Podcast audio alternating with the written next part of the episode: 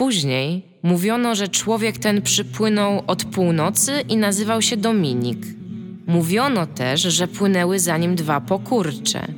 Stworzenia tak spaczone i zdeprawowane, że nazwać je musiano imionami piekielnymi i przeklętymi, wykreślanymi ze wszystkich świętych ksiąg. Mówiono o nich trójca, nieczyści, amigos. Tworzyli piękno i mieli słuszność. Złe karcili, dobre nagradzali, fanów kochali. Psów bez nóg nie ruszali.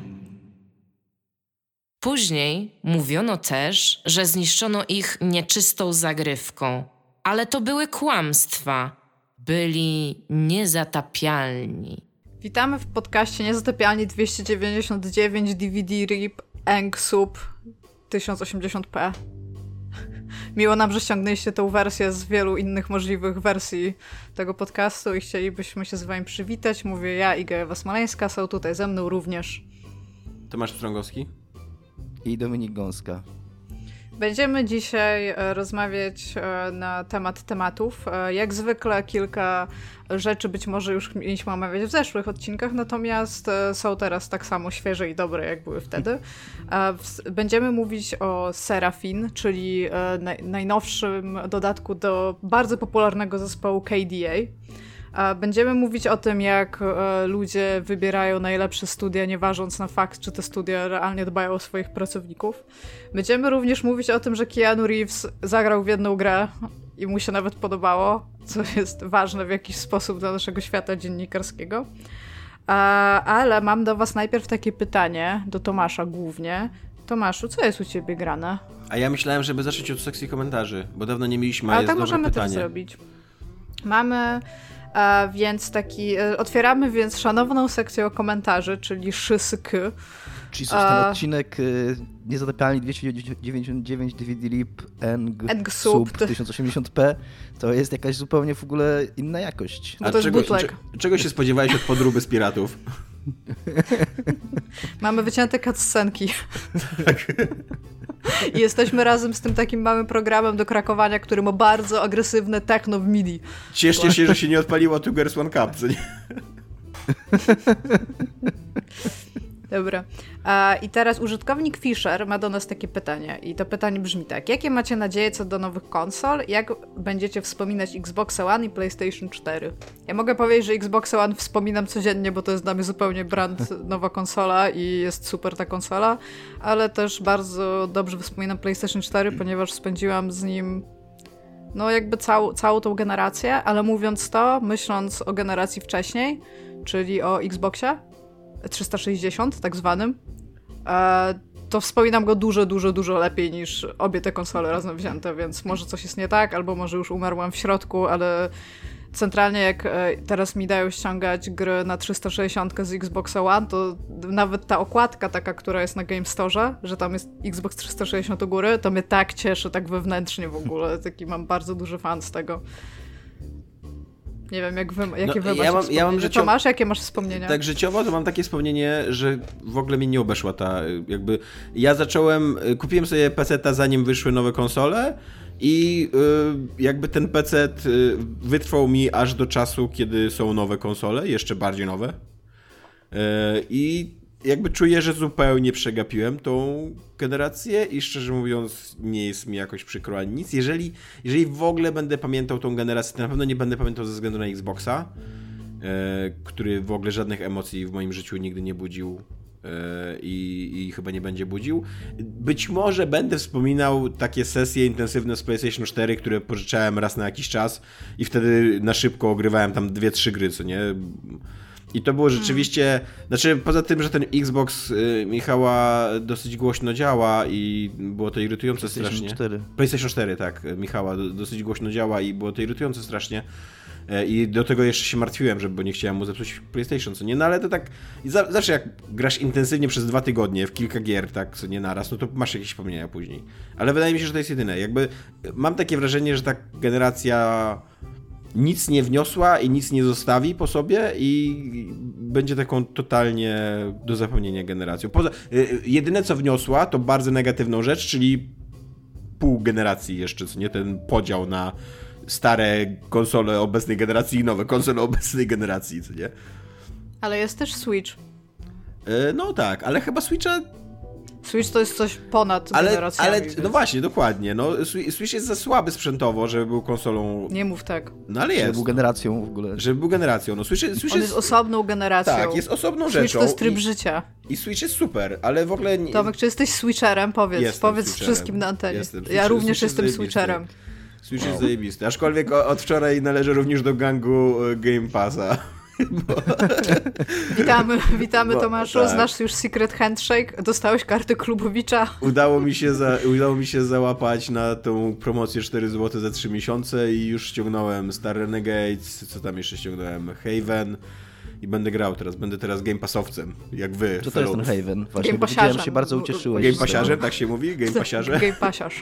Tak. Wiesz co, e, ten, to Haven, jeszcze tego nie, nie, nie grałem, tylko oglądałem jakieś recenzje i tak dalej, ale to jest jakieś takie RPG, ale o eksploracji głównie, że jesteś parą e, zakochanych, którzy lądują na jakiejś obcej planecie i muszą się z niej wydostać. A ta planeta jest tam czymś zainfekowana i tak dalej. I to, co w ogóle jest najciekawsze, to że jakby kontrolujesz ten związek i to jest, to jest taki moment, który już jest rzadko poruszany w popkulturze, że oni już się zeszli, oni już są razem i są szczęśliwi i się kochają i ty musisz dbać o ten związek i obserwować, jak okay. oni żyją ze sobą i tak dalej, jak się lubią, jak jest... Tam... Przy okazji strzelać do kosmitów, tak? A przy okazji nie, przy okazji ta planeta jest zainfekowana czymś, więc ty walczysz ze zwierzakami, które są zainfekowane i jakby uzdrawiasz je, nie? I, te, I ta walka to jest takie e, JRPG z tego, co z filmików tak wynika. Okay. Nie? Takie, e, ale głównie to jest eksploracja, chodzisz po tej planecie, tam taki, na takich e, odrzutowych butach się poruszasz, nie? I to jest takie trochę, wiesz, takie mm, no, nastawione na, na film po prostu, na taki, na, na, że to miło sobie latać po tej planecie i ona jest ładna ta planeta i właśnie tam przekomarzają cię ci zakochani ze sobą i tak dalej. Wygląda bardzo interesująco ta gra, tak bardzo ładnie i miło i, i jest dobrze. taka gra, która jest taką dosyć prostą zręcznościówką i w sumie mało interesującą, ale ma super tytuł, bo się nazywa Lovers in a Dangerous Space Time. Graliśmy w to z Dominikiem tak, na jakimś się, quick looku, no. I, tak, i to mi się tak skojarzyło, że to byłaby dobra nazwa dla, dla tej gry. E, no. Dominik, ja, jeżeli, ja, ja, ja, ja trochę podobnie jak Tomek, to znaczy nie wiem, czy to jest troszkę związane z tym, że po prostu jestem już starszy, więc jak się jest starszym, to czas szybciej, yy, szybciej mija i to jest nawet yy, jakby naukowo uzasadnione. Yy, ale mm, mam wrażenie, że ta generacja strasznie szybko minęła, mimo że trwała dużo dłużej niż tamta Xboxa 360 i to nie wynika, wydaje mi się, tylko z tego efektu jakby zwijania się czasu, że tak powiem, wraz z wiekiem, ale też, e, też z tego, że, e, że jakoś mało się w niej działo, że, że w tamtej generacji nie wiem, było dużo takich gier, o których się, które były wydarzeniami. Był Bioshock, był Assassin's Creed, był Orange Box, było całe, było całe Guitar Hero, jakby było dużo takich, takich gier, eventów, takich, które, które faktycznie się jakby wyznaczały tę generację. I jak myślisz o tamtych konsolach, to właśnie myślisz o tych wszystkich grach z instrumentami. Kurde, było, myślisz, było Wii przecież. Myślisz Ale o Bioshocku. W tej generacji o, też są takie gry. Jest Skyrim, jest GTA Skyrim 5. też jest gro... Skyrim, przypomnę ci, też jest gra. tak.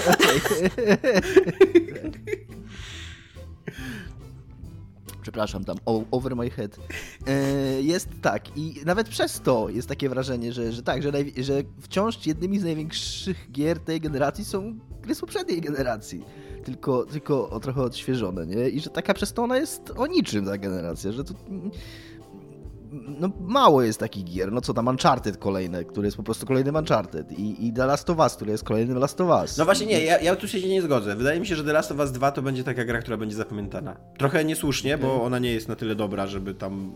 Ale jakby wszystkie te kontrowersje i sposób, w jaki ona prowadzi historię i rzeczy, które tam stara się mówić, Myślę, że to będzie gra, która no, będzie zapamiętana. No dobra, ale to ciągle jest The Last of Us 2 i ciągle nie masz jakby nie, przez to, to dla mnie, znaczy ja nie grałem w tę grę, więc tam też uczciwie powiem, ale, ale przez to trochę nie wydaje mi się to taka, nie wiem, taka gra, która może być symbolem generacji, skoro to jest gra też z poprzedniej generacji. No, szczególnie, że było co Red Dead Redemption 2, The Last of Us 2. No ale była jedna nowa marka była, która zarządziła na rynku, God of War. Anthem.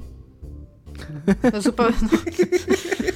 Tomek, Właśnie, ciężko- weź, ciężko weź nawet- swój cynizm i idź, idź mieszkać w beczce. Ciężko nawet i Final Fantasy VII, kurde, kolejna jedna z najważniejszych gier tej generacji. Ale smutek. że nie ma jakoś takich, no mówię, takich gier wydarzeń. Jeżeli takie gry są, to częściej właśnie w indykach. No.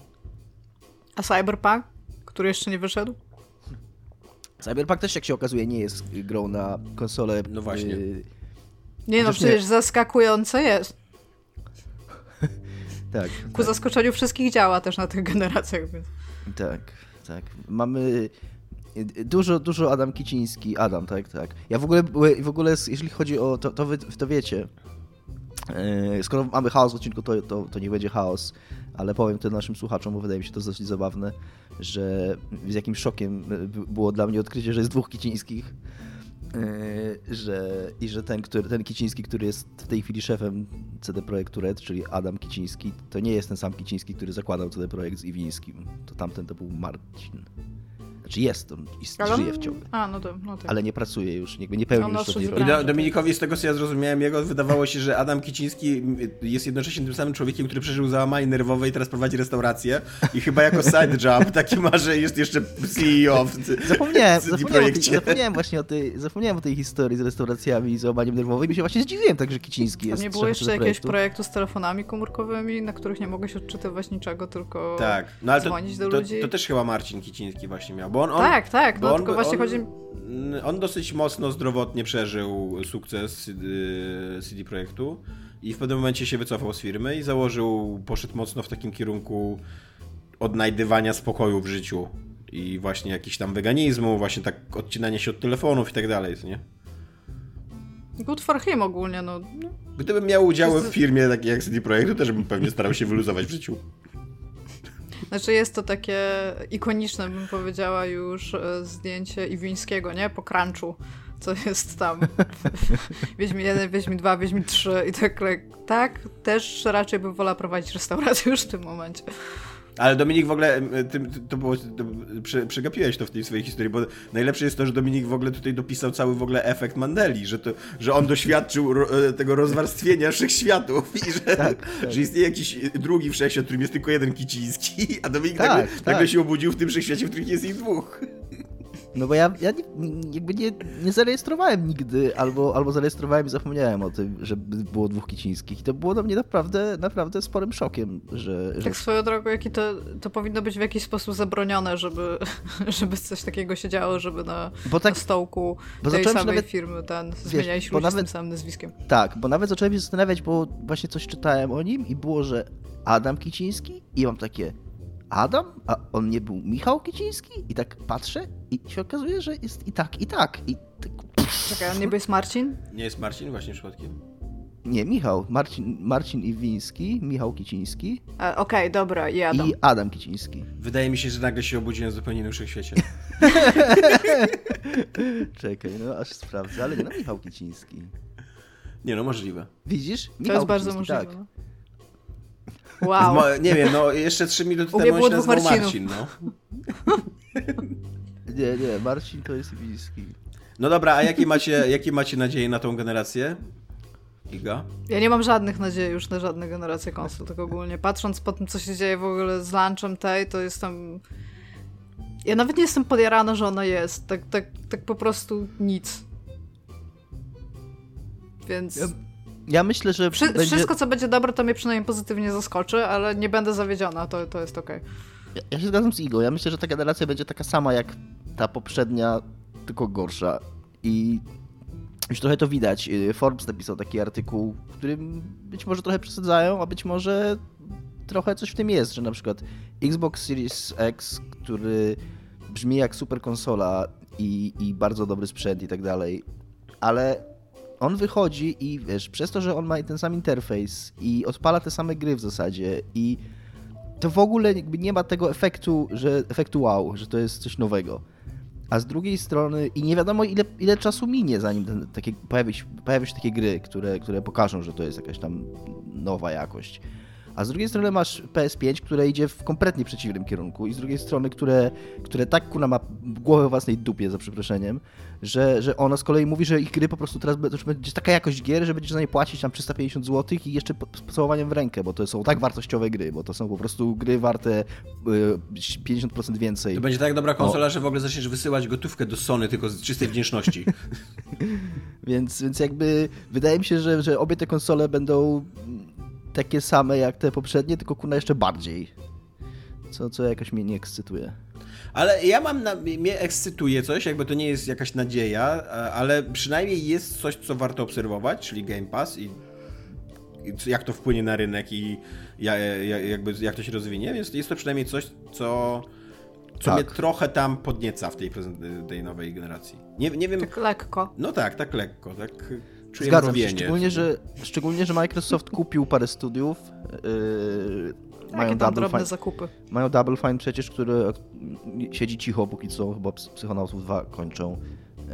Yy, mają Obsidian, który tam ze trzy gry chyba przecież robi teraz. Yy, więc to ciekawe będzie właśnie... Bethesda. Be, jakoś tam Bethesda właśnie mają. Ninja Theory. Tak.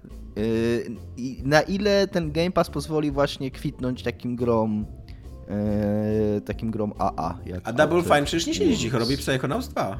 No tak, tak, tak Psychonauts 2. No, ale tak bardzo nie są cicho, bo jak się śledzi na przykład Schaeffera okay. na Twitterze, to on raczej daje taki dosyć duży update z tego, jak się A, bawią okay. i co tam robią w firmie. Okej, okay, okej, okay. to ja może po prostu...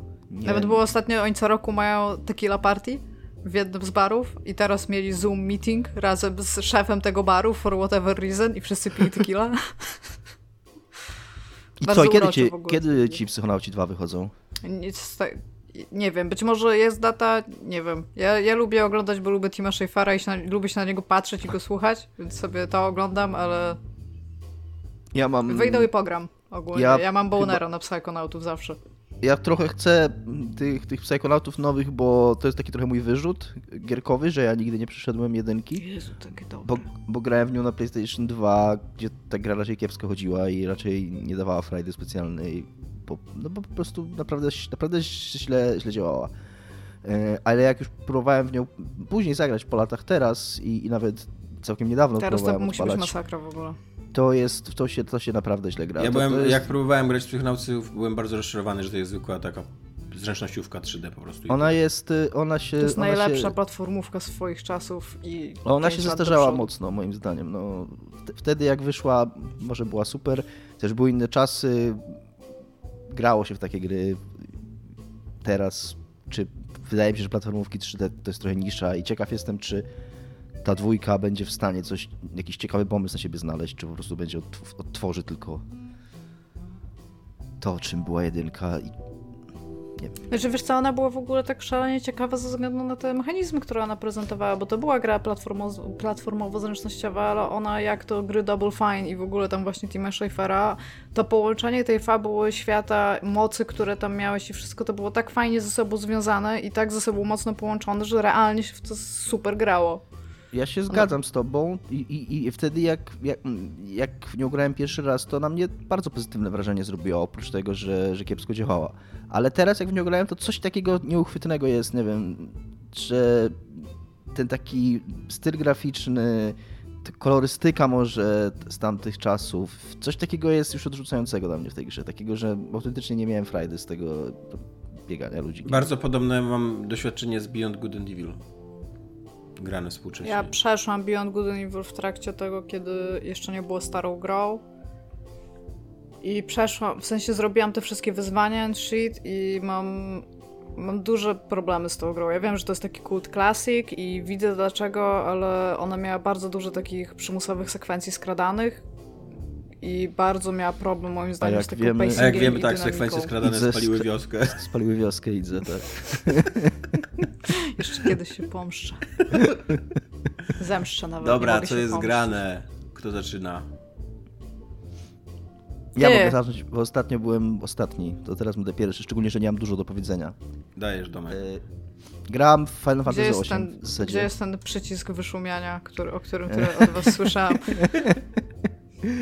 E, miałem zagrać jakąś nową grę, ale się nie udało. Gram Final Fantasy VIII, które które mnie bardzo zaskakuje. Jest, naprawdę jest, jestem trochę zdziwiony, a trochę też rozumiem, bo jeszcze niedawno byłem w tym miejscu, że w ogóle praktycznie nie znałem tej gry że ona jakaś taka w, w, tym, w tym zestawieniu nowych Final Fantasy jakoś tak najmniej się o niej mówi. Wspomina się dużo siódemkę, wspomina się dużo dziewiątkę, która była takim powrotem do, do takiej klasycznego, klasycznego fantazy bardzo baśniowego. Mówi się dużo o dziesiątce, bo tam e, to była nowa generacja wtedy, trzynastka, dużo kontrowersji, a ta, a ta ósemka jest jakaś taka, jakaś tak jest, ale, ale nikt o niej nie mówi. A, a Kula jest jednocześnie ta gra bardzo przyjemnie brzydko mówiąc, za przeproszeniem, bonkers.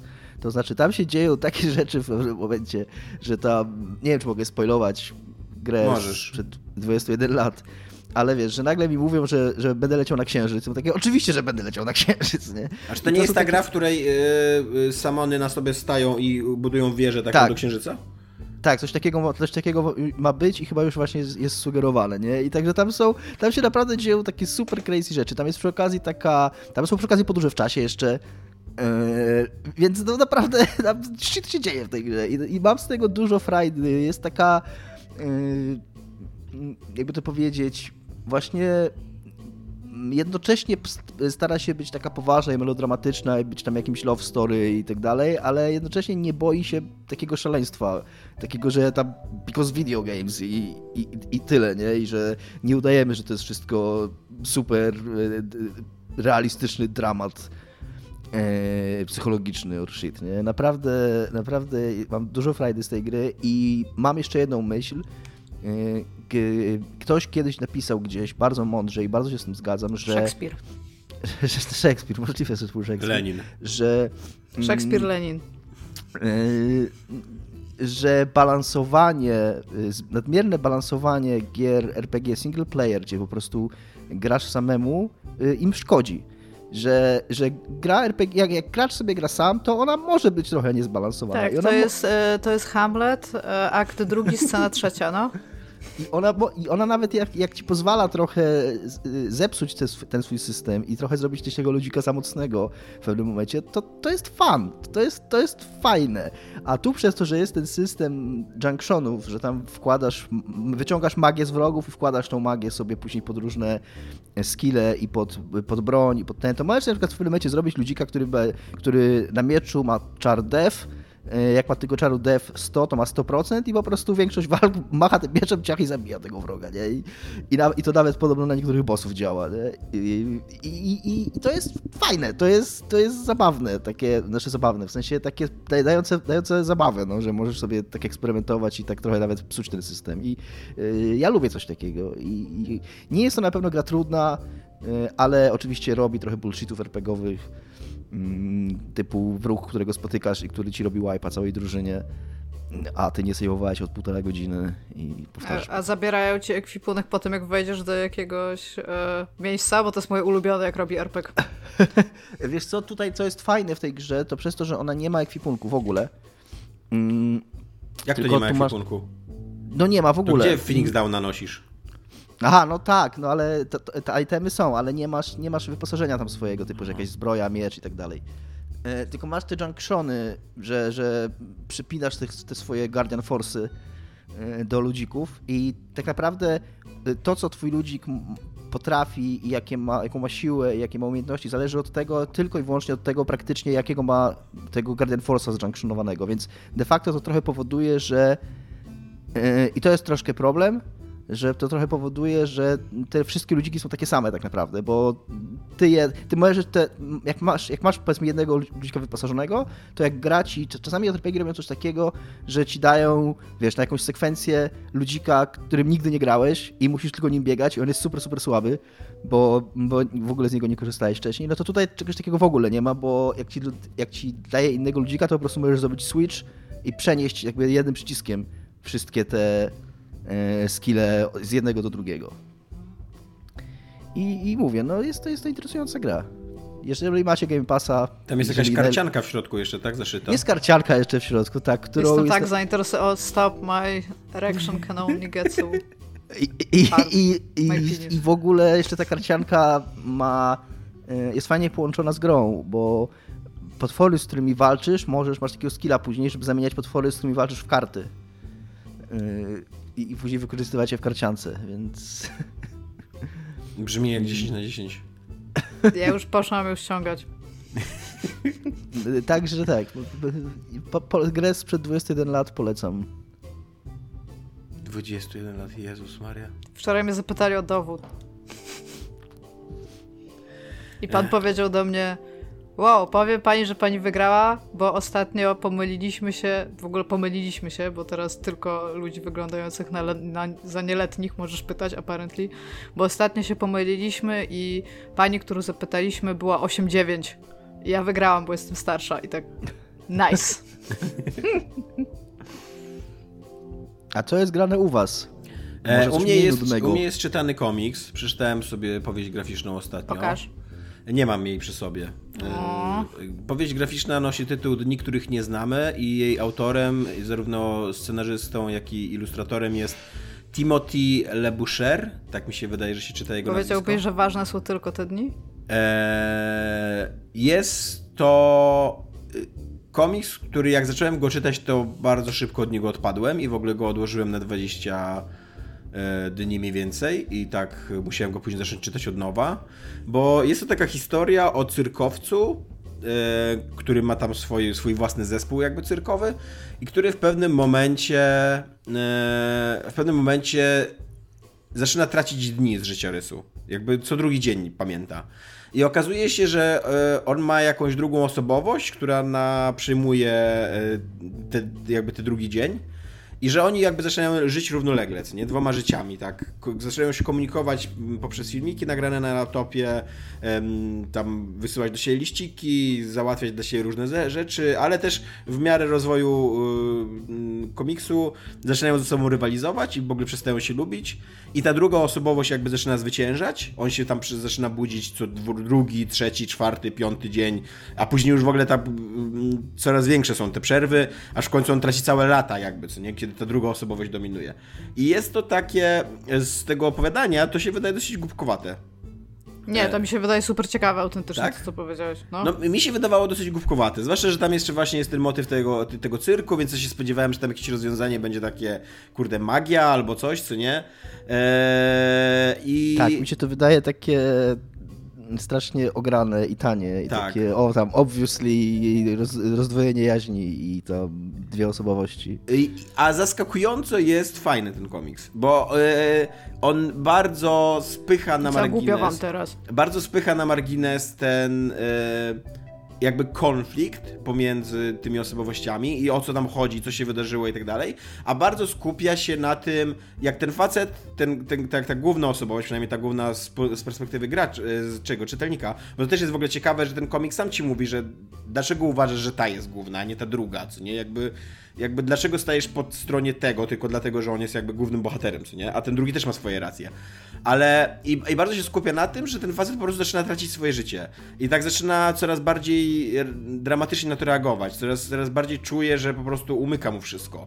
Że się budzi, że przegapia ważne wydarzenia z życia swoich przyjaciół, że związek, który tam rozwijał mu się rozpada, e, mimo że ta dziewczyna jakby wie, zdaje sobie sprawę z tej jego przypadłości i bardzo długo próbuje walczyć o ten związek. No ale w pewnym momencie te, te dziury już są tak długie, że tam no po prostu skomplikowane by było w ogóle życie z nim, co nie? I, e, i, i to jest e, zaskakująco do mnie to trafiło, tak mnie poruszyło, że e, no, że kurde, że tam naprawdę facet przeżywa dramę i przeżywa w taki realistyczny, psychologiczny sposób tą dramę i ona, i ten komiks jest mało skupiony. Tam w pewnym momencie się tłumaczą o co chodzi, ale jakby komiks w ogóle jakby nie, nie wydaje się być zainteresowany tym, a bardziej się wydaje być zainteresowany opisem psychologicznym, psychologicznej kondycji człowieka, który traci swoje życie, nie? któremu po prostu ktoś zabiera dni i on nie pamięta i nie, nie, nie jakby budzi się coraz starszy i nie wie, co się dzieje, nie, nie poznaje świata dookoła siebie, próbuje cały czas odbudować jakieś relacje z ludźmi, którzy już dawno są w innym momencie swojego życia i tak dalej. Więc y, tak jak miałem taką reakcję jak Dominik, że na początku myślałem, że e, jakieś to będzie głupkowate, tak kurde przeczytałem go i autentycznie tam został ze mną. Jeszcze następnego dnia tak sobie myślałem o tej dramie tego faceta, że to, no kurde, tam jakoś do mnie trafiło, co nie? A kim on był w cyrku? E, akrobatą. Okej. Okay. Tak. A jego dziewczyna? E, a jego, bo on ma dwie dziewczyny tam. Jego dziewczyna jedna jest doktorantką jakąś, Nice. ale nie pamiętam z czego. No to jest cyrkowiec znany, no. E, a nie, nie, nie, on, ta, ta jego dziewczyna nie, nie jest z tej trupy. Nie, chodzi... Jeden jest akrobatą, drugi jest klaunem z brodą, a, ten, a ta jest doktorantką. Nie, no jest jeszcze w tej trupie, jest jeszcze magik, jest jeszcze taki super silny facet i jest jeszcze kobieta, ale nie pamiętam jaką ta kobieta ma umiejętność. Chyba też jakąś taką akrobację, coś takiego. E, a druga jego, a druga ta jego, ta jego miłość, druga, która już sobie zdaje sprawę jakby z jego, z jego, z jego kondycji i jakby stara się no stara się dbać o ten związek, jakoś, żeby on przetrwał, co nie, pomimo tych, tych, to ona jest z kolei wojskowym, co nie, tam takim jakimś bardzo dobrze wyszkolonym wojskowym, jest pewnie coś, coś w stylu komando, coś takiego, tego nie mówią wprost, co nie, w, Okej. E, No i tak, i autentycznie są tam dobrze skonstruowane postaci, którą, których dramą i życiem się przejmuje, co nie? I, i, I to jest też w ogóle bardzo fajne, bo jak, ten, jak, jak ta akcja skacze do przodu o tam nieregularną liczbę tygodni, miesięcy, później lat, później dekad, nie?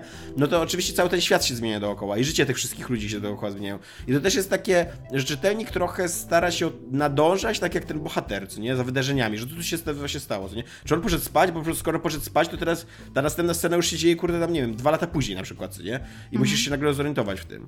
Więc y, tak, I jest bardzo ładnie narysowany taki kol- kolorowy, mocno świat, y, który staje się coraz bardziej światem takim przyszłościowo science fiction, co nie? Więc y, no mówię, nie byłem, nie byłem zbyt pozytywnie nastawiony do tego komiksu, a teraz myślę, że to kawał dobrego, kurde, komiksu. Dobra fabułka po prostu. Długi? Nie, no to na jeden wieczór taki do przeczytania, co nie? Jak już się wczytasz. Zaraz ci powiem dokładnie ile stron. 192. Nice. Zainteresowałeś mnie. Więc tak, więc y, to jest u mnie grane. A, i jeszcze mogę narzekać trochę, ponieważ jako ostatnio, O, że... super. Ostatnio tak, ostatnio bardzo polecałem serial HBO e, tego Johna Ja Wilsona. bardzo Ci dziękuję za ten serial. Obejrzeliśmy go w jeden wieczór i to jest po prostu.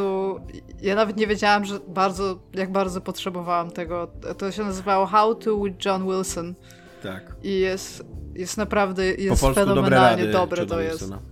Tak, jest naprawdę E, fenomenalnie No to dobre. myślałem, że mam jakąś dobrą pasę na HBO Go i zaczęliśmy oglądać najnowszy w ogóle super e, przebój HBO Go, czyli, znaczy już obejrzeliśmy z Eevee. E, to się nazywa Od Nowa, e, co jest dosyć słabym tłumaczeniem, bo amerykański tytuł to jest Undoing. E, no ale jakby masz ten, ten, ten od nowa polski. To jest, to jest serial o takim małżeństwie z mega wyższych sfer y, takich nowojorskich. W ogóle cały serial jest nakręcony w okolicach e, Central Parku, co nie i tam e, wszystkie te wieżowce takie nowojorskie, te takie domki, kurde, w których mieszkają mega bogate rodziny i tak dalej. Wszystkie w ogóle Hugh Grant tam gra i Hugh Grant gra jakiegoś w ogóle mega uzdolnionego lekarza, ona jest jakimś tam psychologiem klinicznym, która ma własną Czy praktykę. Hugh Grant ma krawat w tym, w tym serialu? Nie wiem, nie zwracam uwagi na takie rzeczy. Bo on To- zawsze gra. Czy ty, czy ty Iga sobie zapisujesz te randomowe pytania przed odcinkiem, czy wpadasz Tak, na nie w trakcie? W ogóle mam bardzo dużo randomowych pytań i takich może, może będziemy rozmawiać o Hugh Grancie. Bo ja, ja właśnie zauważyłem, za- że jesteśmy na takim etapie naszej znajomości, że gdybyś mnie teraz zapytała, czy Hugh Grant nasrał Nicole Kidman na twarz w tym serialu, to, to autentycznie próbował ci odpowiedzieć, jakby to, to nie byłoby nic dziwnego w tej rozmowie. Że okej, dużo interesuje coś takiego, ogólnie. luz. Ja ogólnie zadaję bardzo dużo pytań. E, nie wiem, nie pamiętam. przestać. Nie pamię- znaczy najprawdopodobniej ma krawat, bo tam w pewnym momencie dochodzi do procesu i on jest oskarżonym. Bo właśnie e, jest jedna rzecz ciekawa w tym serialu, e, dochodzi tam do morderstwa i Hugh Grant jest oskarżonym. I to jest dosyć ciekawa perspektywa, bo od początku wiesz, że na 99,99% on popełnił to morderstwo. No jest, y, dowody są przy, przygniatające jakby tego. I on przy okazji jest takim śliskim typem, którego nie za bardzo lubisz. Jakby na 99,99% on popełnił to morderstwo. Ale ta jego żona, ta Nicole Kidman, właśnie jakby przyjmuje taką pozycję, że istnieje jakaś ulotna szansa, że on tego nie popełnił. A ona jest jego żoną i matką jego dziecka. I jej obowiązkiem, ona tak jakby dochodzi do takiego, że jej obowiązkiem jest mu uwierzyć i zacząć go bronić. I e, jakby poprzeć jego taką. y, y, no, obronę, jakby odyseję do tego, żeby, żeby, żeby się uwolnić, nie? I, i, I to jest dosyć ciekawe, aczkolwiek ten serial jest tak kiczowaty i tak amerykański i to w ogóle tak źle zrobiony, tak zagrany, takie, takie tanie dramy są, co nie? Na przykład są takie, takie sceny z prawnikiem, w ogóle z prawnikiem, takim najlepszym prawnikiem w Nowym- w Nowym Jorku, najlepszą prawniczką w Nowym Jorku, która w ogóle nie powinna się znaleźć w pokoju, w którym rozmawia się o niszczeniu dowodów, co nie? Bo jej obowiązkiem jako prawnika jest donieść o przestępstwie. A ona mówi, że nie mogę wam poradzić, żebyście zniszczyli dowód. I to jest jej takie magiczne zaklęcie, co nie? Że jakby ją, rozumiem, jakby ją wzięli na jako dyscyplinarkę, to ona powiedziała, no przecież ja im powiedziałam, że nie mogę tego doradzić. Nie rozumiem, dlaczego zniszczyli dowód, co nie? Jakby, przecież ja wyraźnie powiedziałam, że nie mogę tego doradzić, co nie? I to jest serial, który jakby tak rozumie prawo trochę. Na przykład jed, jedna ze stron ma w pewnym momencie taki, taki atak specjalny, co nie? Jak w tym, jak... E... Co, naładował, na, naładował im się pasek ataku specjalnego no właśnie, prawnego. Jak, jak się nazywa ta gra o, prawi, o prawnikach? Ace Attorney. Tak, i to jest trochę taki, taki ten, ten, ten proces taki jest. Objection. jest taki atak specjalny, co nie? Yy, przywołuje na świadka ośmioletnie dziecko. I centralnie tam jest w ogóle taka scena, że ośmiolatek staje w ogóle w tym, w, tej, w tym boksie dla świadków i bez żadnego psychologa dziecięcego, nie w żadnym osobnym pokoju, jest takie centralnie jakby były tam, nie wiem, lata dwudzieste w ogóle, co nie, i ten, ten dzieciak byłby jakiś biednej rodziny i nikt by w ogóle nie, nie dbał o jego interesy? I, i, i adwokat, wiesz, taki krzyżowym, krzyżowym ogniu pytań go stawia w ogóle, No, a, a e, jest też, no, mnóstwo jest takich absurdów. I jeszcze w ogóle oczywiście finał jest taki dramatyczny, że tam wszyscy biegną, krzyczą, emocje się wylewają i tak dalej. Ogólnie e, serial jest bardzo zły, bardzo nie polecam. Nie ma absolutnie sensu fabuła e, tego serialu. Tak pod względem logicznym. E, jest strasznie, ja nie, nie, nie cierpię tego, jak, jak widać takie straszne filtry na kamery, nie? I tutaj właśnie, żeby ten Nowy Jork był taki pocztówkowym Nowym Jorkiem, to jest strasznie kręcony takim... Mm, takimi nasyconymi kolorami, przez co na wielu ujęciach miałem wrażenie, że, te, że to nie jest prawdziwy Nowy Jork, tylko to jest dekoracja. Ja wątpię, żeby ten serial był kręcony w dekoracjach, myślę, że był kręcony na, na, na, na, w prawdziwym Nowym Jorku, ale jakby tak się starali, żeby ten pra prawdziwy Nowy Jork wyglądał jak prawdziwy Nowy Jork, że on wygląda jak dekoracja, że taki, taki ultrarealizm, co nie osiągnęli.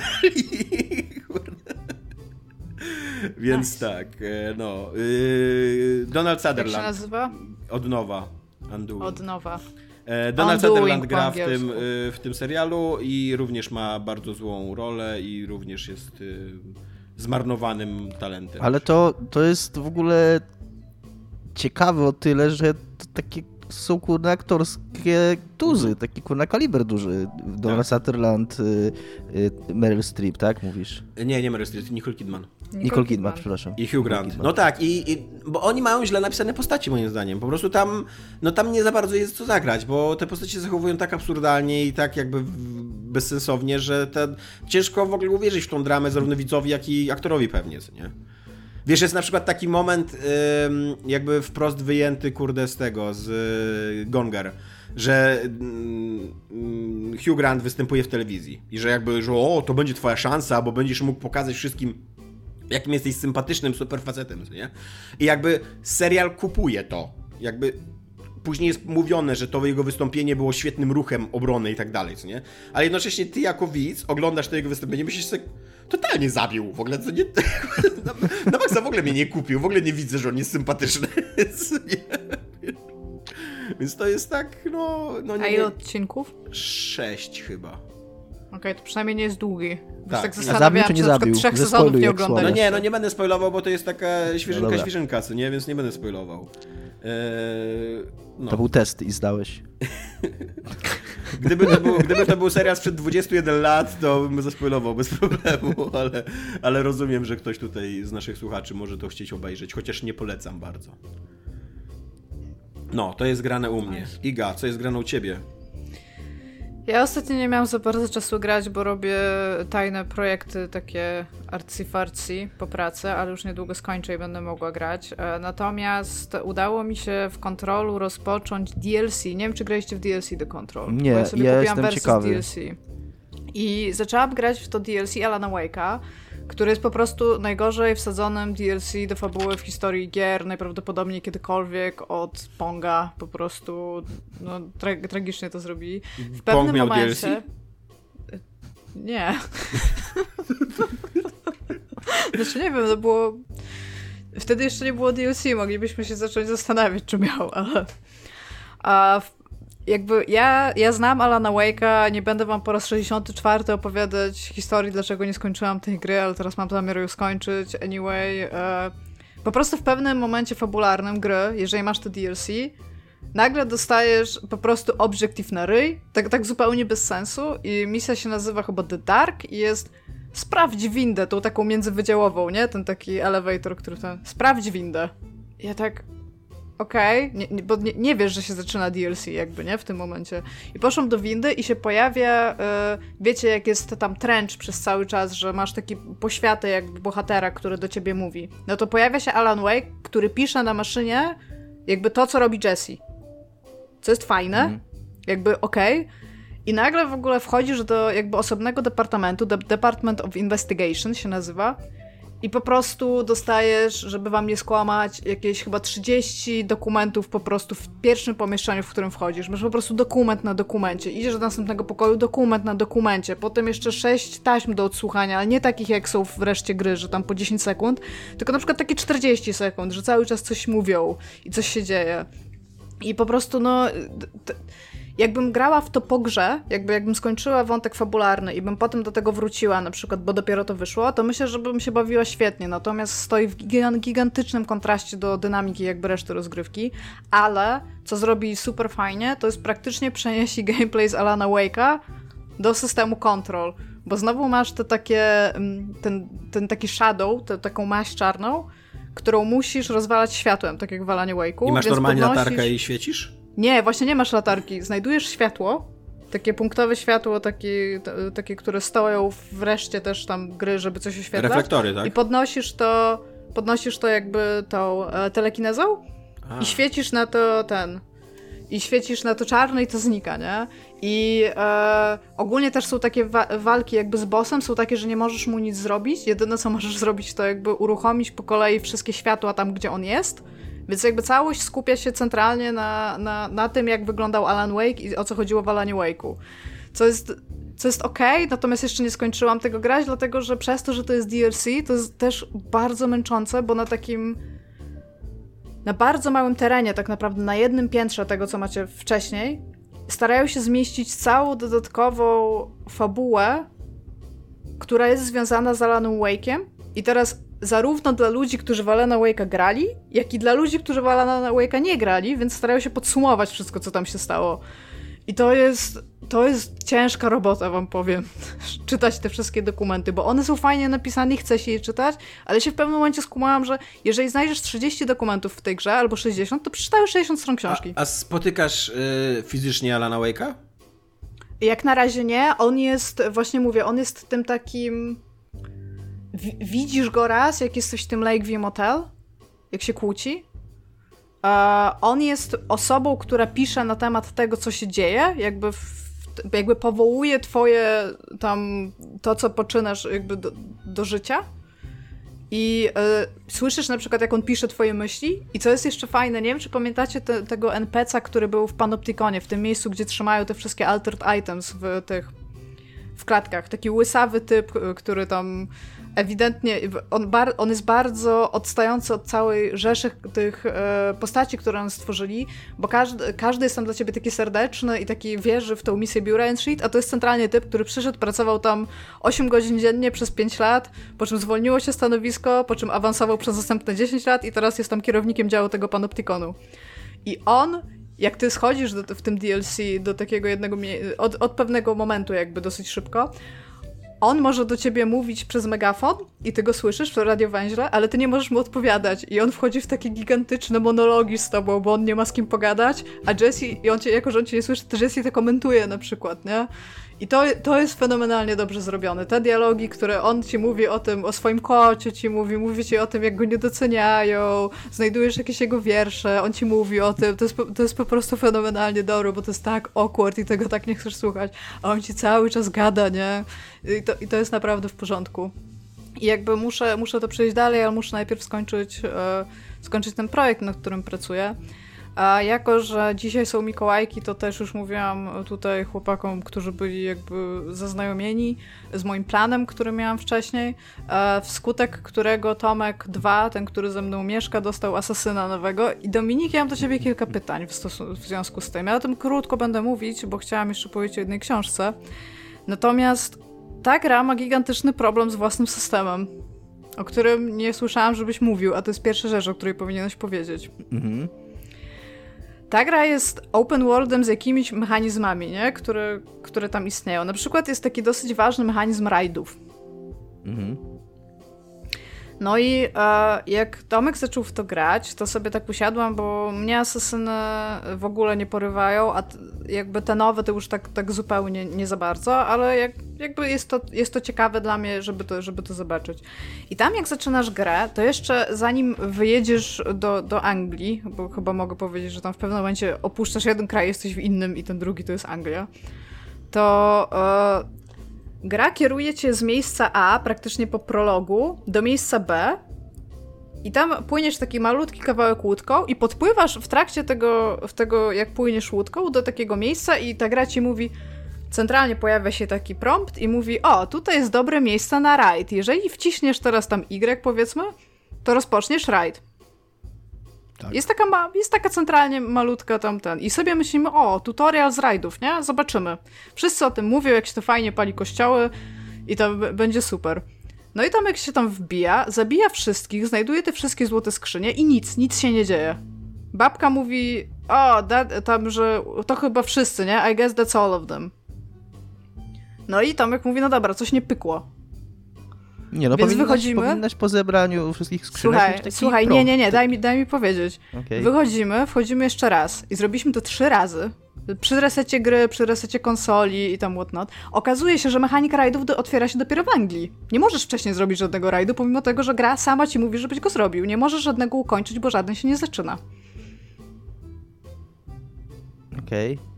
Tak samo jest z kilkoma innymi rzeczami, które dopiero otwierają się później. Wydaje mi się, że Dominik wspominał, że ta gra jest trochę zabagowana. To brzmi trochę jak bug po prostu. Ale to nie jest bug, to nie jest bug, to jest no, błąd designu gry. No. Nie, to jest coś, co...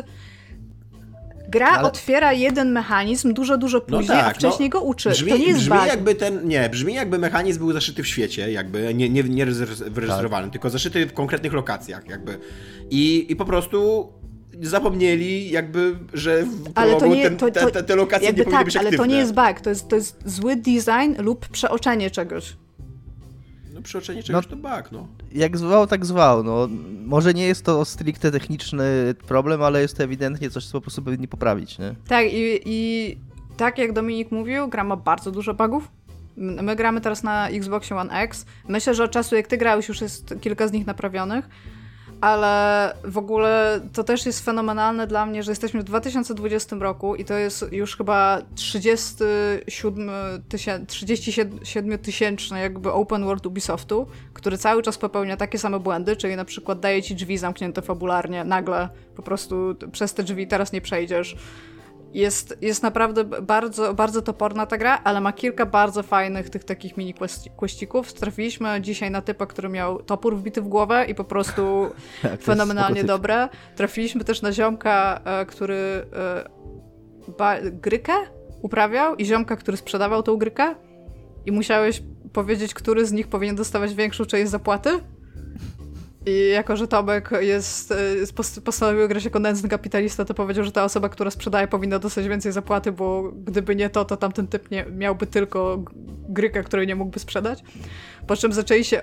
Aha, po czym poszedł do tego ziomka, który robił tą grykę, w sensie był farmerem, i powiedział mu: No, ja bym, ja bym nie, nie dał mu tak ujść na sucho. Przy czym to ty powiedziałeś, że on powinien tak zarabiać i zasugerowałeś, żeby poszli się tłuc po ryjach i oni siedzą i naprawdę się boksują, kurde, na samym środku. Ich dzieci płaczą dookoła, ich żony tam krzyczą, żeby przestali. I rozwiązaniem tego konfliktu jest podpalenie całej gryki, które mają. Silos wybucha i im palisz wioskę i wszyscy są szczęśliwi, bo teraz już nie muszą się o nic kłócić. I ja uważam, siedzę i... Uważam, że to jest dosyć realistyczne przedstawienie kapitalizmu. Tak, tak, ale po prostu. na społeczności. Tak, tak. Jest, jest, I takie rzeczy są fenomenalne, nie? Po prostu się super dobrze bawiliśmy, patrząc na te rzeczy. Ale tak, no, nie, nie wiem, nie wiem jak teraz, bo Tomek, e, as we speak, jak teraz nagrywamy, to on siedzi i gra, więc zobaczymy, jak mu dalej pójdzie. A co chciałem ja jeszcze... absolutnie uważam, że to byłaby naprawdę spoko gra, tylko ona wyszła rok albo przynajmniej pół roku za szybko, po prostu. Jest nieskończona, no. I, i albo za mało crunchu zarówno... było przy niej zarówno jeżeli chodzi o bugi, jak i właśnie o takie rzeczy jak Iga mówi, które może nie do końca można nazwać stricte bugami, ale które są jakimiś tam przeoczeniami na poziomie designu, które też powinno się po prostu wyszlif wyszlifować przed wydaniem gry. Tak. I mam do was taką taką książkę, zaczęłam sobie czytać książkę, bo ostatnio znowu, znowu więcej czytam. I znalazłam jakiś czas temu w antykwariacie, ale nie tak, że weszłam do środka, tylko e, jakby alegrowym antykwariacie, książkę, która się nazywa Domy, które zabijają. I stwierdziłam, że totalnie chcę przeczytać tą książkę. Napisał ją, i teraz to jest Francuz, więc jest Roger, więc myślę, że to jest Roger, de la Forest. To jest biblioteczka zagadek wszechświata, co już może was uczulić na to, jaka treść jest zawarta w tej książce, ale mam dla was przygotowanych kilka cytatów, ponieważ tę książkę czyta się fenomenalnie. Ta książka to jest po prostu taki wylew agresywny człowieka, którego nikt nie chciał wysłuchać w niczym, co mówi, więc napisał książkę. To jest praktycznie YouTube wnerwionego płaskoziemca, to co się dzieje w tej książce. Między innymi ziomek ma w ogóle mega długi diss na hipisów, po prostu nienawidzi hipisów, nienawidzi artystów poza architektami. Uważa, że malarstwo to jest tam takie eciepecie, a rzeźba jest tylko po to, żeby ludziom się miło robiło, jak chodzą w parkach, ale architektura to jest po prostu fenomen. I po prostu jest... I najpierw przeczytam wam, jak się w ogóle ta książka zaczyna. To, będzie, to są trzy zdania pierwszego akapitu. Jest rozdział pierwszy, niebezpieczeństwa spania pod gołym niebem. I to już wam wklejam, chłopaki, ja wam to przeczytam jeszcze, żeby nasi słuchacze mogli posłuchać. I człowiek jest najbardziej słabym ze zwierząt. Nie ma ani skorupy, ani skóry, ani futra. Jest bardziej goły niż zwykły robak, bardziej nietrwały niż cytryna. Co już uważam za taki wstęp, że po prostu nie mogłam się powstrzymać. Ale czy ta książka miała jakiegoś redaktora? Bo rozumiem, że to nie, nie to Polak napisał, czy nie? E, nie, no Francuz, Francuz. No właśnie, to jest w no ogóle książka z lat 70. ubiegłego wieku. Ktoś musiał zauważyć, że człowiek ma skórę, co nie? Jakby. Przełożyła Elżbieta Fermé. Ale Fermé jest takim cypkiem, więc być może się go nie czyta, albo się czyta inaczej.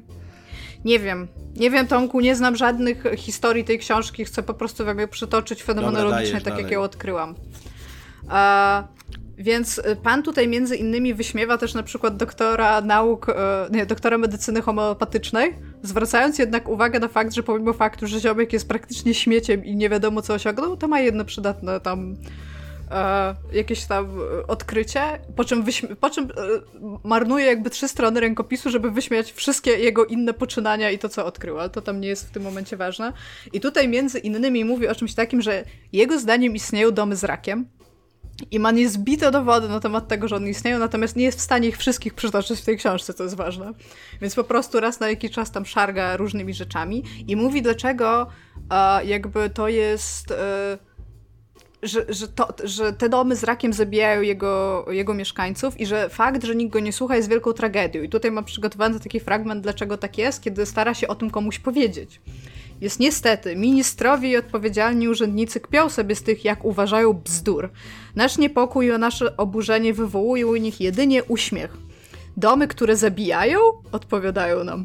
To horror, komiks dla słabych umysłów, scenariusz dla niesamowitych opowieści. Przecież to niepoważne. Pozwólcie nam raczej spokojnie pracować nad naszymi wielkimi urbanistycznymi projektami i wzbogacać w ten sposób oddanych nam przedsiębiorców budowlanych.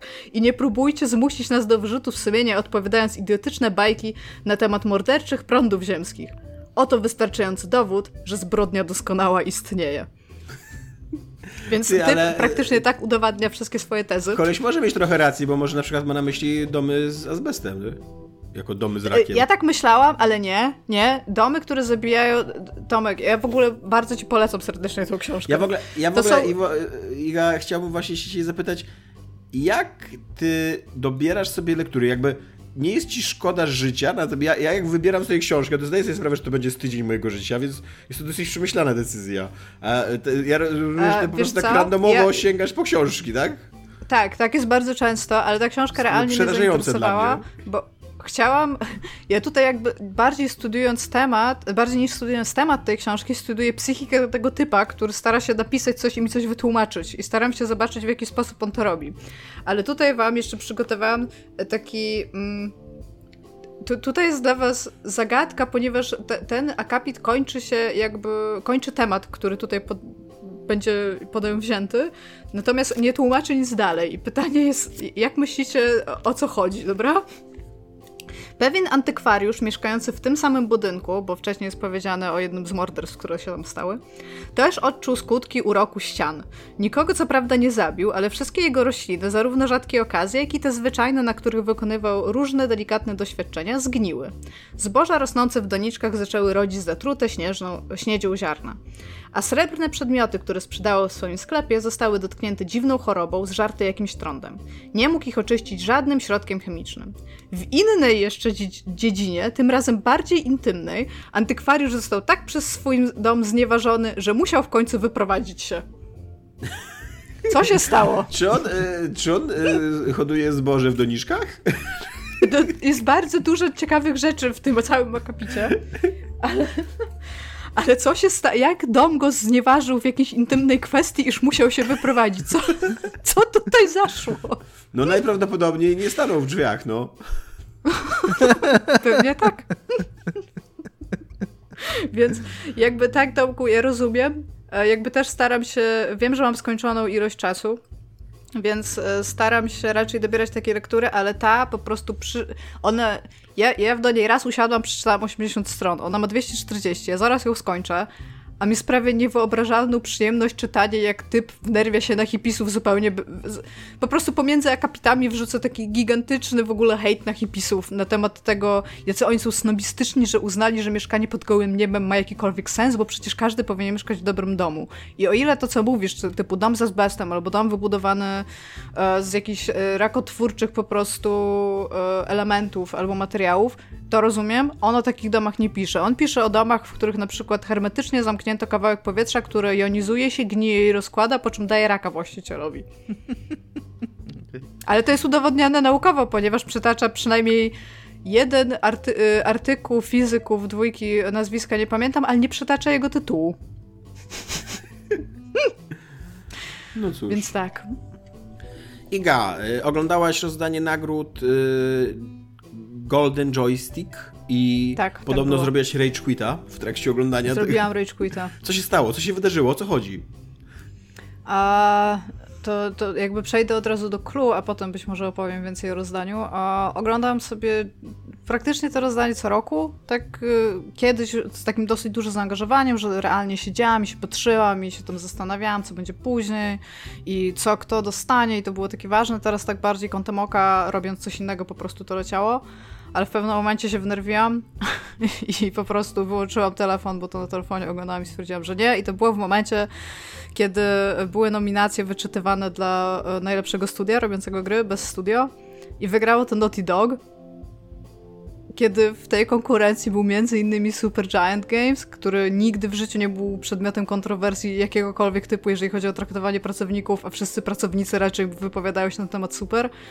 I wygrało to Naughty Dog, które mniej więcej wiemy, jak traktuje pracowników i jak oni mówią. Mi się wydaje, że aż, aż, za dobrze wiemy w ogóle.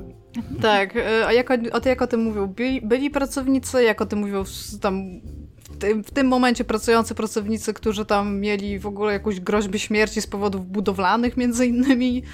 No i tak no, no, ogólnie to nie wygląda za dobrze, po czym właśnie Naughty Dog dostał, tylko zobaczyłam, że tam zaczyna, zaczęli dziękować, bo było tam wyświetlone na ekranie Best Studio Naughty Dog. I tam koniec. Co więcej, te nagrody w tym roku hostowali e, no, aktorzy, którzy tam brali między innymi udział w ogóle, e, jedna z nich była voice aktorką The Abby w The Last of Us 2, więc tak już siedzę i tak nie, po prostu już, już mam trochę dość tego.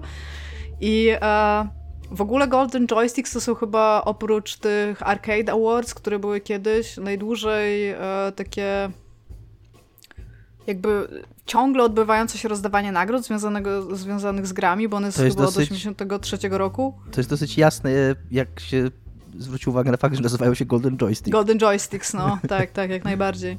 A, I e, kiedyś było w ogóle tak, że głosować, bo to, to są jakby pu publicznie przyznawane nagrody, one się też często nazywają People's Choice, tak, że, że to ludzie.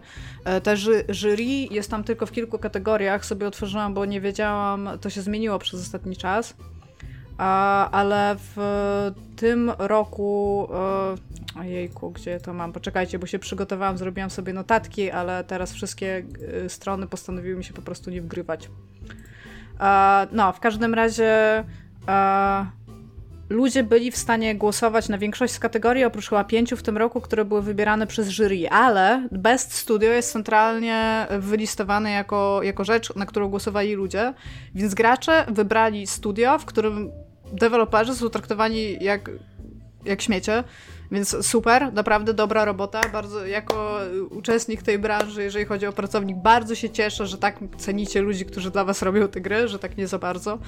No ale dużo ważniejszy jest cel niż to, żeby ludzie się dobrze czuli apparently, więc tam dzięki jeszcze raz. A oprócz tego ogólnie całe te nagrody były w tym roku bardzo źle poprowadzone i dosyć nudne, ale mam wrażenie, że tak jest, e, że tak jest co roku. A i coś miałam powiedzieć. Muszę. Weźcie coś mówcie, muszę, muszę odblokować sobie mózg.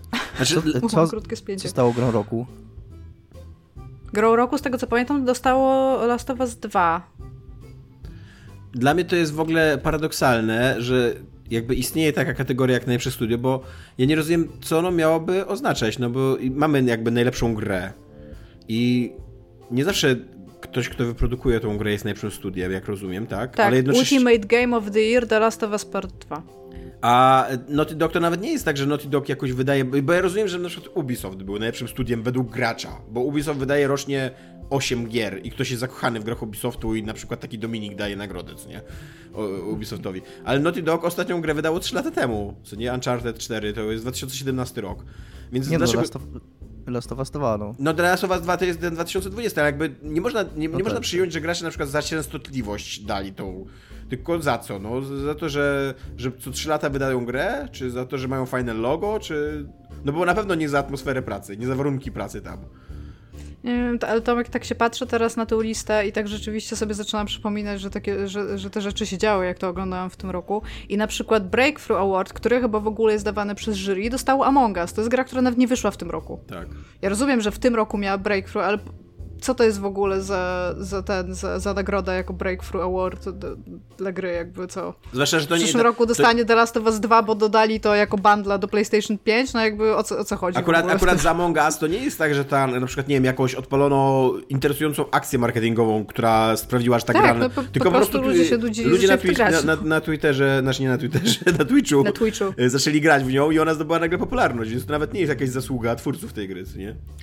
No ale to bez przesady, tutaj bym się trochę nie zgodził. No jest kategoria Tak, wiesz- Breakthrough Award, taką sobie wymyślili. Dokładnie ona to znaczy, co, co znaczy, No czyli... dobra, Dominik, ale no nie będziesz ze mną, chcemy podyskutować na temat zasadności kategorii growych, Tak, w których w jednym tak. Video Game Awards była gra Tak. sportowa y, drużynowa i gra sportowa niedrużynowa, because why? A teraz, jest, a teraz z kolei jest y, mm, połączona symulacja y, i strategia. I jest w jednej kategorii Microsoft Flight Simulator? 3 i Microsoft Flight Simulator. Jak, Jaka jest wspólna, wspólny mianownik między tymi grami? Nie wiem, nikt nie wie, ale, ale Nie, tam okej. Ale Tomek, bo ja rozumiem, że ty nie, nie, nie miałeś tej super wątpliwej przyjemności oglądania Joystick Awards, Nie, więc ja powiedz mi, jaka twoim rzeczy. zdaniem, jako, jako naszego reprezentanta PC Master Race, nie? Jakim twoim zdaniem e, dostała PC Game of the Year? No słucham. E, no nie wiem, no. E, Apex? Ja już Death widzę- Stranding. No kurde. I teraz powiedz mi, jaka jest zasadność tych nagród, bo ja już, ja już po prostu nie rozumiem. To jest przedziwne, to jest przedziwne. Y, Czemu? No w każdym razie y, bardzo dużo, znaczy tam kilka nagród na pewno dostał Hades, co, mnie- co mnie cieszy. A, Dostał ale Critics' właśnie, Choice, tak? To jest pewnie to Game of the Year, ale nie, ale, ale wybierane przez jury, tak? Tak, tak, tak, dokładnie tak.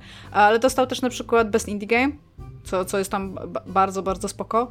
Tylko w ogóle jakieś takie to było, o, oprócz tego, że realnie się ucieszyłam, bo mają oczywiście Best News Streamer i Broadcaster, to jest łamane. E, ten, I dostał to typ, który się nazywa I am Brandon i e, naprawdę bardzo fajny miał ten speech a propos tego, że, że to dostał. On jest przedstawicielem no, mniejszości LGBT jakby i bardzo stara się w jakiś sposób e, zachęcać ludzi z, z tej mniejszości, żeby, żeby też częściej więcej krytykowali gry, pokazywali rzeczy, byli w tym entertainment i jakby on się super z tego ucieszył, więc to, to było fajne. Reszta tych nagród to była taka, że tam, wiecie, oni mają the best gaming hardware i zgadnijcie, co wygrało. Nvidia No kurde, GeForce RTX 3, Oczywiście, że. 3080. Tak, że GeForce wygrał, no błagam ty, cię. a czemu nie wygrało coś sprzed trzech lat? To w ogóle, No. bo... W tym roku prostu... wyszła karta graficzna, którą chcą mieć tak. wszyscy i tyle, no. Nie, to dziwi No i zgadnij, w przyszłym roku dostanie pewnie taka, która wyjdzie w przyszłym roku, nie? Każdy, który każdy będzie chciał. No pewnie tak, tak. No tak, no jakby zasadność nagród. A jeszcze potem w ogóle e, Tomek, jak się... E, Tomek, Do, Dominik, powiedz ładnie imię i nazwisko pana z Video Game Awards. E, Jeff Keighley. Tak, Jeff Keighley, dokładnie tak się to mówi i nigdy w życiu nie powiedzieliśmy tego nigdy. inaczej na Jeff tym podcastie. Tak. E, więc Kili potem w ogóle mówi, e, w sensie tweetuje zaraz, e, zaraz przed Video Game Awards w tym roku, że te, teraz zaczyna się sezon, w którym ludzie przygotowujący trailery i materiały marketingowe pracują overtime i mają taki sam crunch, kurde, jak w grach AAA, więc e, wszystko będzie exciting i new. Znaczy, jakby... on, tak, no dokładnie. Że, on, że on, on, on, jest podekscytowany, wiedząc ile ludzi pracuje w tą sobotę nad trailerami do jego show. No, super, że jesteś Tak. Tak, że w ogóle etyka pracy to nie jest już w ogóle ważna w, w tej branży, więc dlatego y, Naughty Dog wygrywa Studio of the Year i to jeszcze właśnie mówię, to nie jest jury, to, to ludzie to wybrali i tak... Mm. A co to jest? Jest mi, jest mi przykro. Dla mnie by było bardziej jest... oburzające, gdyby to jury wybrało, szczerze mówiąc. Chyba tak. Jakby bo ludzie tak, po prostu zagłosowali. Że rozumiem, bo, że jury może być przekupione w jakiś sposób, albo nie wiem, e, wszyscy pracowali kiedyś w Naughty Dogu i mają dobre wspomnienia z tego, albo coś takiego i tak jakby ten, ale to ludzie to wybrali, no ludzie.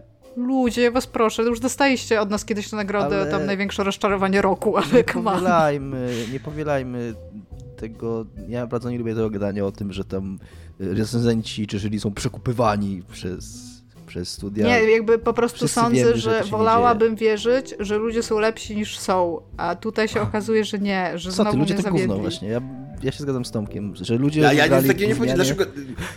Co tu się wydarzyło w ogóle? Dominik mówi ludzie do gówna, ja się zgadzam z Tomkiem. W ogóle what the fuck? To, że ludzie wybrali gównianie, to mnie w ogóle nie dziwi. To jest wszystko, co się można po nich spodziewać. Niczego więcej. Chciał... I do ciebie jeszcze jedno Dominik pytanie. reprezentuje tylko własną opinię w, w temacie ludzie to gówno. Chciałbym tylko podkreślić to. Tu jest kategoria, która nazywa się Outstanding Contribution. Tak. I, I tą nagrodę... Dostało to The Gaming Industry. The Gaming Industry. Czy, czy, czy kapituła, czy tam ludzie wybierając yy, zwycięzców Golden Joystick Awards przyznali całej branży gier wideo nagrodę za wkład w branżę gier wideo? Tak. Zgadnij, kto odbierał. Nie wiem, no pewnie Jeff Keighley. Nie, tak, tak serio to nie mam zielonego pojęcia, kto odbierał, to jest symboliczne. Nie no, Hideo Kojima to jest człowiek gra. No właśnie, moim zdaniem Kojima to powinien w ogóle odebrać just because. Czy to nie jest jakiś, jakieś pismo, czy jakiś serwis? No przedziwne to jest, że The Gaming Industry dostało. Nie wiem, co mam ci powiedzieć. Najwięcej w każdym razie nagród w tym roku dostało The Last of Us Part 2, bo dostało i Best Storytelling, i Best Visual Design, i Best Audio, i The Ultimate Game of the Year, czyli 4. Oni, nie, wydaje mi się, że to dostało całe... A, jeszcze PlayStation Game of the Year 5. Wydaje mi się, że dostało całe industry, bo tutaj w uzasadnieniu jakby piszą, że e, no chodzi o takie projekty, jakby, które mają czynić dobro, czyli że na przykład ten bundle na rzecz y, równości społecznej okay. i CHIO, y, Electronic Arts jest podane jako inicjatywa Stay and Play. Co tu jeszcze? Co to jest inicjatywa Mediatonic, czyli ludzie od Fall Guys czyli, też zebrali jakiś tam, tam milion dolarów na coś. O, tak, że po prostu jesteśmy dobrymi o... ludźmi. My jako branża jesteśmy dobrymi ludźmi, należy nam się po prostu, nam się, nam się ta nagroda po prostu należy, Dominik. Ja się poklepałam po plecach, też możecie. Też mnie, e, co mi się bardzo podoba, jako że to ludzie pogłosowali, e, to że najbardziej oczekiwaną grą nie jest już Cyberpunk 2077, tylko God of War Ragnarok. Więc e, Jest napisane, że jest untitled tutaj, więc... Jest co? No tutaj jest, nie przyjęli Ragnarok jako podtytułu, powiedzieli, że to jest niezatytułowany jeszcze sequel do God of War. Aha.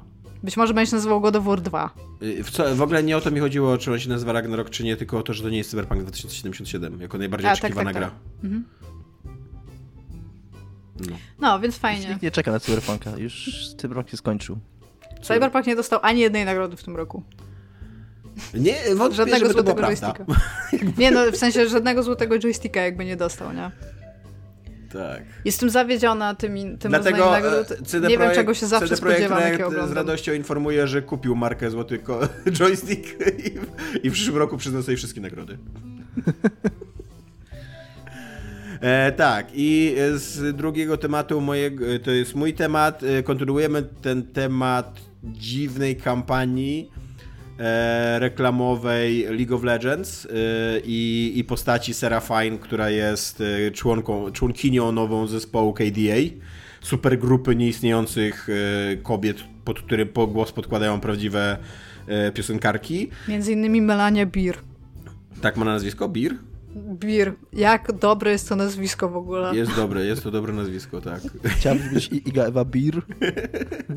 Bardzo mi się chciała nazywać jego Eee, I Beer. pojawił się na e, Medium.com, pojawił się taki artykuł e, dziewczyny, która się nazywa Stephanie, e, o tym, że e, Serafin e, jest najprawdopodobniej inspirowana nią, że ona wdała się w krótki związek z jednym z pracowników League of Legends. Rozmawiano... Riot. Słucham? Riot Games. Riot Game, tak, no, masz rację, tak. Ale robił tak, robił między innymi w League of Legends. Tak, że rozmawiali na temat League of Legends bardzo dużo, że ona jest wielką fanką League League of Legends, e, że nawet rozmawiali na temat jakiegoś tajemniczego projektu, który mają podekscytować tam kiedyś w przyszłości. No i e, ten związek jakby się rozpadł, ona tu pisze, że zupełnie bez żadnej dramy, ani nic takiego, to nie, nie, jakby nie ma żadnych pretensji do tego, że ta znajomość się, się skończyła. No ale ku swojemu zaskoczeniu odkryła, że e, Riot e, opublikował jakby tą nową, tą swoją nową postać, tą Serafin i że jest ona dziwnie podobna do niej, e, zarówno fizycznie, jak i pod względem takiego profilu psychologicznego, że zdjęcia te instagramowe, bo jak, pamiętacie nasi słuchacze, jak, jak zapewne pamiętacie, ostatnio rozmawialiśmy o tej Serafin e, w kontekście takiej manipulacji ekonomicznej, ne, ekonomicznej, przepraszam, psychologicznej. Marketingowej. Ma, ma, manipulacji psychologicznej, jakiej się dopuszczali prowadzący jej profil na Instagramie, że tam jakby udawali, że ona jest taka niepewna siebie i e, namawiali graczy i, i, i śledzących do jakiegoś takiego wsparcia, no to podobno ten profil psychologiczny zgadza się dosyć z profilem psychologicznym Stefanii.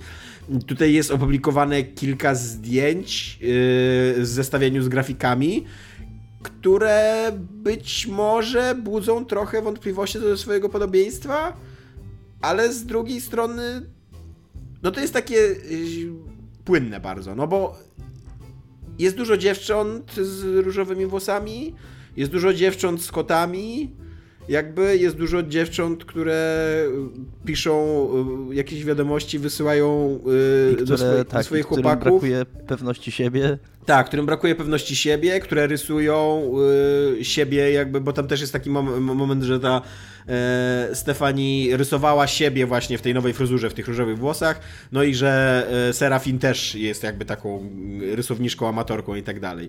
Jest to y, Riot Games y, w ogóle protestuje, znaczy mówi, że, nie, że to absolutnie nie ma żadnego, żadnego że nic wspólnego, że wręcz, że jeden z, artyst, z artystów odpowiadających za projekt e, Serafin inspirował się swoją żoną albo, albo narzeczoną, nie jestem Żoną, pewien. żoną, żoną bo na, tak? na Twitterze tak napisał, nawet są jej zdjęcia i mówi, że, że ona jest... Projektując tą postać, napisał dużo wcześniej, że ona jest tą inspiracją. Jakby, Tak, tak. tak. E, I e, no to jest taka. A, a z kolei ta, ta Stefani, ona wynajęła prawnika, adwokata i będzie chyba próbowała dojść jakichś swoich, swoich roszczeń e, w sądzie. Jest to przedziwna historia, tak?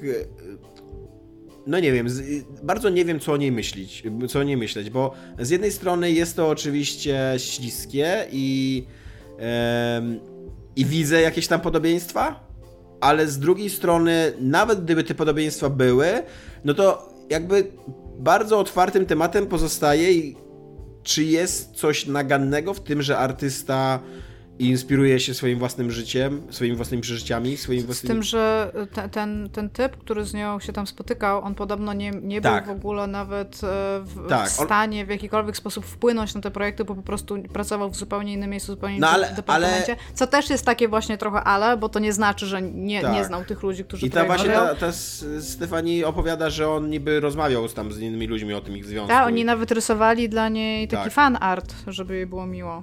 Ona No, była też w Riot, jakby Jest, też ja w ogóle, ja patrząc na te, na te rysunki i na te porównania, no jest ona trochę podobna, no ale to jest taka jednak dosyć, dosyć kreskówkowa, umowna postać i, i tak naprawdę ona może być podobna tam do każdego. To, co chyba najbardziej jest uderzające, to są okulary, yy, bo ma praktycznie identyczne okulary, yy, oprawki na, na, na, na, tej grafice, jak, jak ta dziewczyna w rzeczywistości. I to jest chyba takie najbardziej uderzające podobieństwo. No ale, że narysowali w fikcyjnej postaci takie same okulary, jak ma E, prawdziwa dziewczyna, no to nie wydaje mi się, żeby to był tam powód, żeby od razu iść do sądu z tym. Znaczy, no ma różowe, też, ma różowe włosy, ale to okazji... też nie jest jakieś takie super ten. I dla mnie to jest takie, to być może się inspirował, ale nawet jeżeli, no to uważam, że w takim zakresie, w jakim się zainspirował, to w zasadzie miał prawo i, i może jest to co najwyżej trochę niezręczne i trochę przykre dla niej z jakiegoś powodu, ale, tak. ale raczej nie, nie, nie uważam, żeby to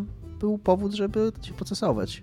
Tak, wydaje... Ja bym tutaj chciała jeszcze podkreślić, że w ogóle ta osobowość, którą napisali e, tej Stefani jest e, jakby na tyle ogólna i taka trochę archetypiczna dla pewnego rodzaju white girls, jakby, że e, w nią bardzo, bardzo dużo ludzi wpada. To jest, to jest bardzo ogólne i dlatego ta manipulacja jakby psychologiczna, o której, się, o której się mówiło, w ogóle zadziałała, bo ten taki impostor syndrom, ten taki właśnie ile jest lasek, które ma jakiś dziwny kolor włosów, które rysują, e, marzą o tym, żeby być tam jakimiś idolkami albo whatnot i, i jakby to przedstawiają tą historię Stefani, e, Stefani, Serafin i mają kota, i marzą o, są kreatywne i marzą o tym, żeby coś tam dalej... Znaczy ja właśnie nie wiem, ja szczerze mówiąc ludzi. nie wiem ile jest takich lasek. Ja dostrzegam jest, tu pewne podobieństwa. Jest, Uważam... jest Tumblr cały, to są te laski i tacy typi. Ja, ja, bym, ja bym jakby nie był aż tak e, pewny, że nie ma tu żadnych inspiracji. Wydaje mi się, że i, i wydaje mi się, że fakt, że to jest akcja marketingowa, taka e, czysto finansowa, prowadzona przez korporacje, wprowadza tu jeszcze jakiś taki też dodatkowy poziom niezręczności. Ale to nadal jest dla mnie tylko i wyłącznie taka właśnie, tak jak Dominik powiedział, że to jest być może niezręczna, niewygodna dla niej sytuacja i okej, okay, z tym się zgadzam, ale nic więcej raczej, co nie? No ja... Pewnie, mi, pewnie mi, tak, jakby... Mi się wydaje, że jeżeli, że jeżeli tutaj by zaczęto mówić o tym, że to jest jakieś wykorzystanie jej wizerunku, gdzie tak naprawdę mamy do czynienia no, z taką bardzo ogólnie narysowaną kreskówkową postacią, no, no to tam wydaje, wydawałoby mi się to duże takie nagięcie rzeczywistości, że nagle jak narysuje się dziewczynę, która ma takie same okulary i, i, i kolor włosów jak inna dziewczyna, no to to jest jakiś tam kradzież wizerunku. Raczej nie. Też, też no, istnieje coś takiego jak wolność wypowiedzi, a już zwłaszcza wolność wypowiedzi artystycznej, która jest jeszcze w ogóle szerzej rozumiana niż wolność wypowiedzi takiej normalnej. No i fakt, że to jest jakby przekaz marketingowy, więc nie wiem, czuję tutaj jakąś taką niezręczność tego, nie, tej całej sytuacji, ale, ale nadal jest to jakiś sposób, jakiś sposób wypowiedzi artystycznej, jakby brano prawdziwe wizerunki prawdziwych ludzi w dużo bardziej dosłowny, krytyczny sposób i jakby manipulowano w nimi w tekstach artystycznych i jakby, no co, mamy tego zabronić? Jakby, no nie, no chyba nie bardzo, co nie? Ja wiem, że ja nie wiem w sensie jak jest za, za w Stanach Zjednoczonych, bo to jest Stanach Zjednoczonych, ale ogólnie, jeżeli ma rozpocząć się sprawa na temat zaczerpnięcia kogoś wizerunku do modelu postaci w grze, to ten wizerunek musi pojawić się jako referencja w dokumentacji. Czyli nawet jeżeli oni by brali te jej zdjęcia, powiedzmy, i nawet jeden do jednego starali się je poprzenosić w ten styl, to jeżeli one nie są zawarte w dokumentacji referencyjnej, to jakby ona nawet w tym sądzie nic nie jest w stanie udowodnić tym samym. Więc. Aczkolwiek e, wszystko to chyba prowadzi do tego, że tam Riotowi się nie za bardzo udał ten stan marketingowy. Bo... No niby nie, ale z drugiej strony widzisz, jak mam po prostu w nosie totalnie League of Legends, to nagle wszystko o tym wiem, nie? Ja absolutnie nie wierzę, absolutnie nie wierzę w obojętne jak mówią, byleby mówili. Jakby uważam, że e, jak mówisz o czymś źle i właśnie do, doszukujesz jakiejś przemocy, nawet symbolicznej wobec kogoś, to to nie jest dobra prasa dla League of Legends. Jakby szczególnie, to... że, szczególnie, że y, to nie jest pierwsza taka historia z Riota. Tak. Mieliśmy dużo, dużo mówieniu o, mówienia o jakichś problemach z dyskryminacją i z, z jakimś tam, y, no nieco Tak, szczególnie, że oni przegrali ale, te, ale, te sprawy, nie? I musieli tak, wypłacić dużo, bardzo dużo pieniędzy tym tak, ludziom. ale dużo, się, dużo złej prasy już mieli jakby to, to nie pomaga raczej. Tak. No, no dobra, to tyle chyba na dzisiaj, tak? Czy mamy jeszcze jakieś e, punkciki w planie? Chyba nie. To dziękujemy bardzo za e, wysłuchanie naszego kolejnego odcinka. E, Pamiętajcie o Patronite, pamiętajcie o tym, żeby Nie nam, ściągajcie z torrentów naszych odcinków, płaćcie nam pieniądze. żeby nas oceniać w jakichś apkach i tak dalej, bo dzięki temu się lepiej pozycjonujemy i tyle. Cześć. Cześć. Cześć.